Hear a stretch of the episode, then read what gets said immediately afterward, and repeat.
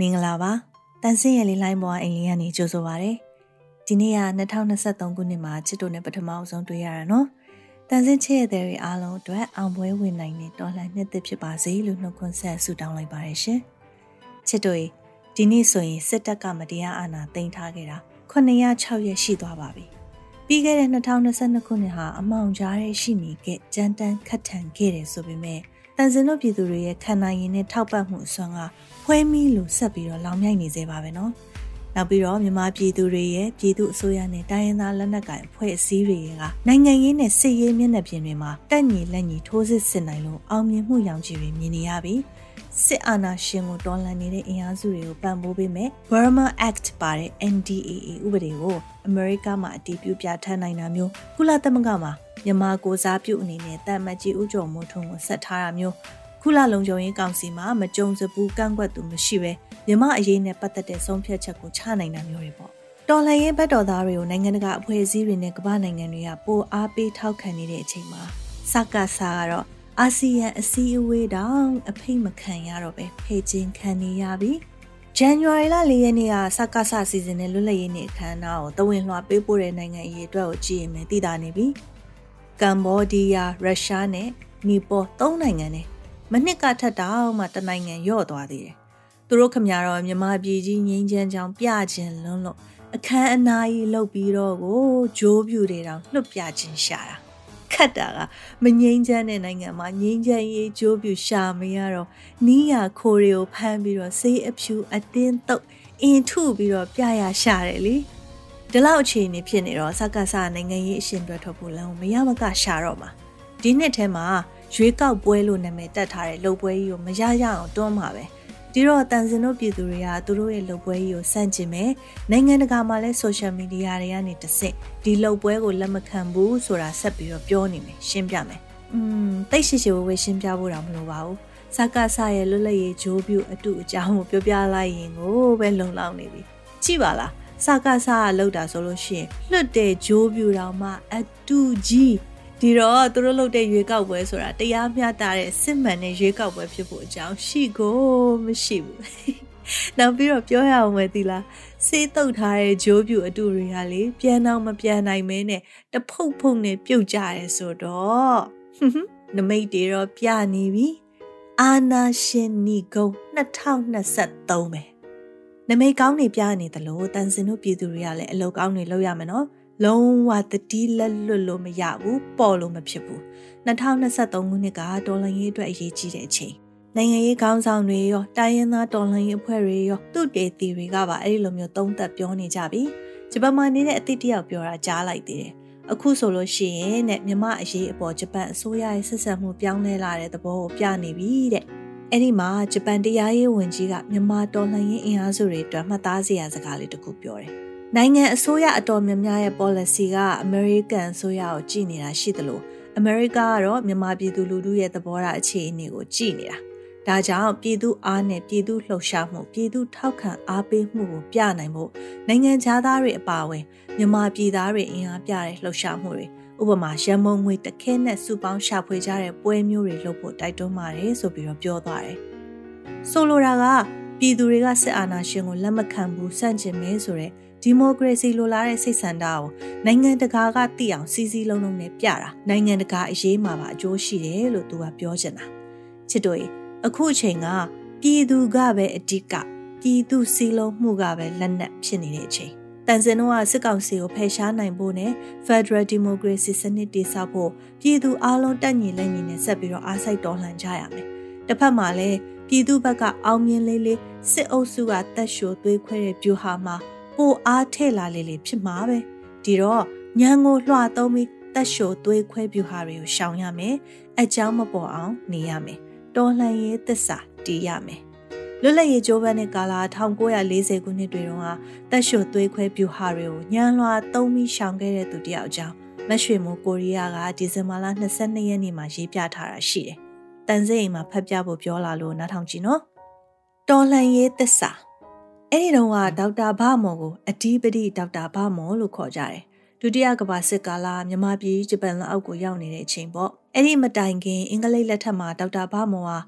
မလွတ်လပ်ရေးချက်ချင်းပေးလို့တောင်းဆိုခဲ့လို့ထောင်ကြတယ်။သူမိုးကုတ်ထောင်ထဲပြောင်းတော့ရုပ်ဖြတ်ပြီးတော့ထောင်ထဲကနေထွက်ပြေးတယ်။ဒါကြောင့်အင်္ဂလိပ်အစိုးရကတွေ့တဲ့နေရာမှာပြစ်တက်ဖို့အမိန့်ထုတ်တာကိုခံခဲ့ရတဲ့တကယ်အားကလူ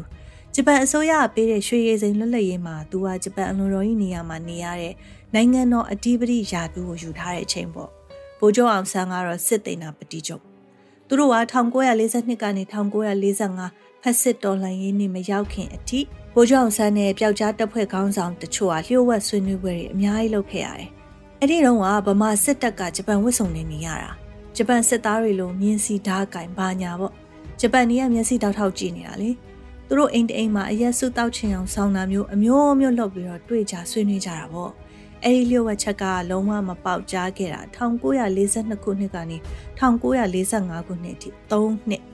တနေ့ စစ်တပ်ထဲမှာအခမ်းအနားတစ်ခုလုပ်ပြီးညပိုင်းမှာတက်မတော်အရာရှိတွေကိုအငိမ့်နဲ့ကပြဖျော်ပြတယ်။အဲ့ဒီအခမ်းပွဲကိုအစိုးရအတီးပတိဒေါက်တာဘာမော်အပါအဝင်စစ်တေနာပတိချုပ်ဘိုးကျော်အောင်ဆန်းလည်းတက်တယ်။အဲ့ဒီတော့ကအခမ်းပွဲမှာပေါ့ဗမာတက်မတော်ရဲ့ထိတ်တန်းတက်မှုတွေရောတခြားနေရာစစ်ဗိုလ်တွေရောအကုန်ရှိတယ်။အဲ့ဒီတုန်းကဗမာစစ်တပ်ဘက်ကစစ်ဗိုလ်တွေကဂျပန်နဲ့နီးစပ်နေတဲ့ဒေါက်တာဘာမော်အမြင်မကြည်လင်ဖြစ်နေတဲ့အချိန်ဘိုးကျော်အောင်ဆန်းကတော့ဒေါက်တာဘာမော်ဒလန်မဟုတ်ဘူးဆိုတာသိတယ် အဲ့ဒီမှာအရက်မူးနေတဲ့ဘိုးမြဟန်က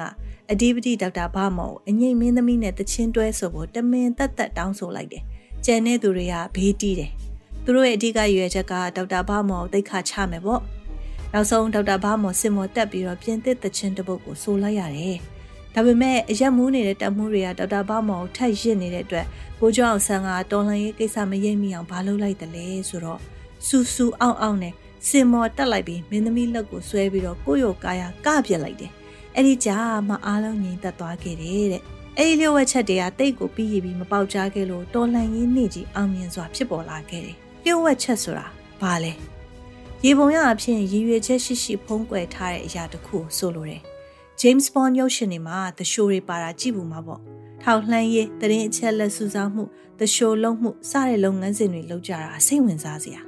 လျှို့ဝှက်ချက်တွေရဲ့အဓိကအစိတ်ပိုင်းတွေဟာနိုင်ငံတော်လျှို့ဝှက်ချက်ပုံစံတွေဖြစ်တယ်။စစ်ပွဲဖြစ်နေတဲ့အတော်အတွင်းဆိုပိုးဆိုလျှို့ဝှက်လှုပ်ဆောင်မှုတွေဟာတိတ်အရေးကြီးတယ်။ဒါဟာစစ်ပွဲကိုအဆုံးသတ်ဖို့အမှန်တကယ်မရှိမဖြစ်လိုအပ်တဲ့အရာတစ်ခုဖြစ်တယ်။ဒါကြောင့်နိုင်ငံတကာမှာအရှိကကပြတဲ့ဇက်ခုံနဲ့နိုင်ငံတကာလျှို့ဝှက်ချက်တွေရှိတဲ့နောက်ွယ်ကဇက်စင်ဆိုတာအမြဲတမ်းရှိတယ်။ နောက်ွယ်မှာနေတဲ့သူတွေအားလုံးဟာအနစ်နာခံလျှို့ဝှက်ချက်တွေတည်ထားကြရပြီးအရှိကဇက်ခုံရှိုးပွဲအတွက်တယောက်နဲ့တယောက်ပြေးလွှာညှိနှိုင်းနေကြရတာဖြစ်တယ်။ဇက်စင်နောက်ွယ်ကလှုပ်ရှားသူတွေကဘာတွေလုပ်နေသလဲဆိုတာကိုပြည်သူကမသိရတဲ့အတွက်နောက်ွယ်ကဇက်စင်ဟာစိတ်ဝင်စားစရာပါပဲ။သိကျင်ကြတယ်။နောက်ွယ်ဇက်စင်မှာလည်းမတရားမှုတွေရှိတယ်ဆွဆွဲမှုတွေရှိတယ်မတရားမှုတွေဆိုတာနေရာတိုင်းမှာရှိနေတာကိုဒေါက်တာဖမောကိုအချင်းချင်းဝိုင်းသိခါချတယ်လို့ပေါ့ အဲ့ဒီအချိန်ဒေါက်တာဘာမော်ကဂျပန်အလိုတော်ကြီးမဟုတ်ကြောင်းစိတ်လိုက်မှန်ပါပြောပြခဲ့ရင်တော်လှန်ရေးနေ့ကြီးဆိုတာဖြစ်မလာခဲ့ဘူးပြည်သူတွေကအရှိဆက်စင်မြင့်မှာလုပ်တဲ့အရာကိုပဲမြင်နိုင်တယ်ဒါကြောင့်အရှိဆက်စင်မြင့်ကအကြောင်းတွေကိုပဲပြည်သူတွေကသိကြဝေဖန်ကြတယ်တချို့ကိစ္စတွေမှာကိုမှန်ရက်သားနဲ့အထင်မှားခံရတတ်ပြန်တယ်လွတ်လပ်ရေးရပြီးတဲ့အထိစောင့်ပြီး1950လောက်မှဒေါက်တာဘာမော်လျှို့ဝှက်ချက်ကိုပြောခဲ့တယ် ငါသိသမျှကိုဟိုအချိန်ကဖွင့်ပြောခဲ့ရင်မင်းတို့အားလုံးခေါင်းပြုတ်ကုန်မှာပေါ့တဲ့ဒါတောင်ဂျပန်ခေတ်တုန်းကတော်လှန်ရေးနေ့ကိုရက်ရွှေ့ခဲ့တာဒေါက်တာဘာမော်ကြောင်းဆိုပြီးဘိုလ်မှူးကြီးဟောင်းခင်ညိုကဆွဆွဲခဲ့လို့သာပြောပြတာဖြစ်တယ်ဒေါက်တာဘာမော်ကတက်တေကန်ဖြစ်ဘောကျောင်းအောင်ဆန်တော်မခိုမီသူ့စီရေးခဲ့တဲ့စာတစောင်ကိုပါပြခဲ့ပါတယ်တော်လှန်ရေးကာလအတွင်းမှာအတွင်းစကားတချို့လျှို့ဝှက်ချက်တချို့ကိုပြည်သူတွေသိသိနေဆိုပြီးချပြတယ်ထားအောင် စစ်ခွဲတွေကအရှိဆုံးကတက်ကင်ပြီးနားဆွင့်နေကြတာအမြဲတမ်းရှိဖို့ပါဒါကြောင့်တီးခံကြပါတက်ရှိုရဲဆိုတာအကြောင်းပေါ်မှတက်ထည့်ရှိုလို့ရတာချစ်တို့လွန်ခဲ့တဲ့10နှစ်2023ဇန်နဝါရီလ1ရက်နေ့တုန်းကအမေတော်အောင်ဆန်းစုကြည်ကနှစ်တကူဆူတောင်းထားပေးတာတခုကိုတတိယမိတယ်ကိုယ့်ရဲ့တာဝန်ကိုတည်တည်နဲ့ကိုရတဲ့ရထိုက်တဲ့အခွင့်အရေးတွေအတွက်လုံရဲကင်ရဲပါစေလို့ဆူတောင်းမြတ်တာပို့သားလိုက်ပါတယ်တဲ့ ကြောက်စရာကောင်းတဲ့အခြေအနေမျိုးကိုရတင်ရထိုက်တဲ့အခွင့်အရေးတွေကိုလစ်လူရှုလုံရဲကင်ရဲတဲ့စိတ်မရှိပဲကြောက်ပဲကြောက်နေရင်ဆွေစဉ်မျိုးဆက်စစ်ဖက်နှက်အောင်ကြောက်နေရတဲ့ဘဝကနေတက်မှာမဟုတ်ဘူးဒီတော့လှုပ်ဖို့ခက်ရင်လှုပ်လို့ရတဲ့နီလန်းရှာရမယ်အပြင်ထွက်ပြီးတိုက်ပွဲဝင်မှုခတ်နေတဲ့ပြည်သူတွေအတွက်ဒေါက်တာဖြိုးတီဟာကရိုးရှင်းပေမဲ့လုံခြုံပြီးထိရောက်တဲ့တော်လှန်ရေးနည်းလမ်းတစ်ခုပေးထားတာရှိတယ်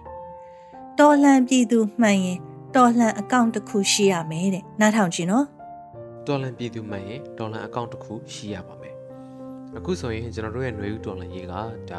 နှစ်နှစ်နီးပါးကာလကိုရောက်ရှိလာခဲ့ပြီဖြစ်ပါတယ်။အဲ့တော့ကျွန်တော်တို့အလားအလာကောင်းတွေလည်းအများကြီးပဲမြင်နေရပြီဆိုတာကျွန်တော်တို့ပြည်သူတွေလည်းသိရှိပြီးသားဖြစ်မယ်လို့ထင်ပါတယ်။ဒါကြောင့်မလို့ဒီ2023ခုနှစ်မှာကျွန်တော်တို့တစုံတရာအဖြည့်ထွက်စေဖို့အတွက်ကျွန်တော်တို့ဒေါ်လာရေးကိုအခုတက်ပို့ပြီးတော့အရှိန်မြင့်ပြီးတော့လှုပ်ဆောင်ဖို့လိုအပ်မှာဖြစ်ပါတယ်။အဲ့လိုလှုပ်ဆောင်တဲ့နေရာမှာကျွန်တော်တို့အဓိကအချက်တစ်ချက်အနေနဲ့ပေါ့နော်ကျွန်တော်လှုပ်ဆောင်တဲ့ကိစ္စလေးတစ်ခုကတော့ဘာလဲဆိုတော့ဒေါ်လာရေးအတွက်တည်တံ့သုံးမဲ့အကောင့်တစ်ခုကိုဖွင့်ပေးထားဖို့ပဲဖြစ်ပါတယ်။အဲ့တော့အကောင့်အစ်စ်တွေနဲ့သုံးကြတဲ့အခါမှာဘယ်လိုပဲကိုယ့်ရဲ့ friend list ကိုစီစစ်ပြီးတော့ပဲတင်တင်ပေါ့နော်။ကိုယ့်အကောင့်ထဲမှာဒါဒလန်တွေရှိနေတတ်တဲ့အတွက်ကိုယ့်ကိုမနာလိုတဲ့သူတွေရှိနေတဲ့အတွက်ဒါဒုက္ခရောက်သွားတာတွေရှိတယ်ပေါ့နော်အဲ့ဒီခါမှာကျွန်တော်တို့ဒီပြည်သူတွေအနေနဲ့ကဘာမှမတင်ရဲတော့ဘူးမရှယ်ရဲတော့ဘူးမမှန်ရဲတော့ဘူးဆိုတာမျိုးတွေဖြစ်လာတယ်ပေါ့နော်ဒါကစက်ကောင်စီကနေဒါအကြောက်တရားရိုက်သွင်းနေတဲ့ကိစ္စရပ်တစ်ခုလည်းဖြစ်တယ်ပေါ့ ဒါကြောင့်မို့လို့တော်လန်အကောင့်တစ်ခုဖွင့်ပါကြိုက်တဲ့တရားနာမည်ပေးပြီးတော့ဖွင့်လို့ရပါတယ်အပြင်သွားလို့ရှိရင်ကျွန်တော်တို့ယူမသွားတဲ့ဖုန်းနဲ့အဲ့ဒီအကောင့်သုံးပါနောက် mutual friend နည်းနည်းလေးရှိနေအောင်လို့စိတ်ချရတဲ့เนาะတော်လန်ရေးမှာခယူချက်ချင်းတူတဲ့မိတ်ဆွေတွေကိုပြောပြပြီးတော့အပ်ထားလို့ရတယ်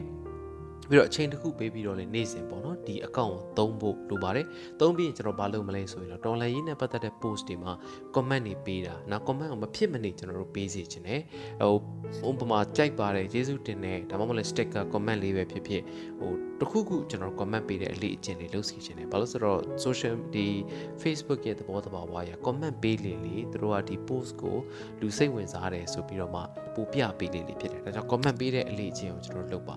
မျက်စိမှမှာသတင်းဝင်ဖတ်တယ်တခုခု comment ရေးခဲ့ နော်ဟို sticker လေးပဲပေးပေးတခုခုပေါ့နော်ဒီ comment ပေးတဲ့အလေးချင်းလေးကိုလုပ်ပါကိုနှစ်သက်တဲ့ post တွေဆိုလို့ရှိရင် share ပြီးတော့မှကျွန်တော်ဒီလူမှုကွန်ရက်ကြီးကိုပြန်လဲပြီးတော့စိုးမိုးကြရအောင်ပါပေါ့နော်ဒါကြောင့်မလို့ကျွန်တော်ဒေါ်လာပြည်သူမှန်ရင်ဒေါ်လာ account တစ်ခုရှိရမယ်ဆိုတော့အကြောင်းအရာလေးကိုကျွန်တော်တို့မျှဝေတာဖြစ်ပါတယ်ဒီအကြောင်းအရာလေးကိုလည်းတခြားသော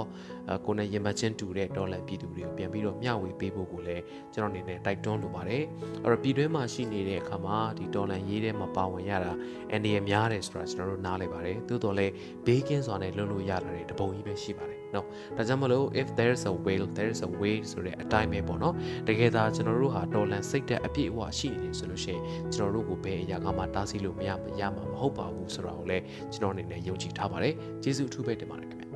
ချစ်တို့တန်စင်းအိမ်ကိုလာလရင်တော်လှန်ရေးစိတ်တဲ့အင်အားဖြည့်သွားနိုင်မယ်လို့မျှော်လင့်ပါတယ်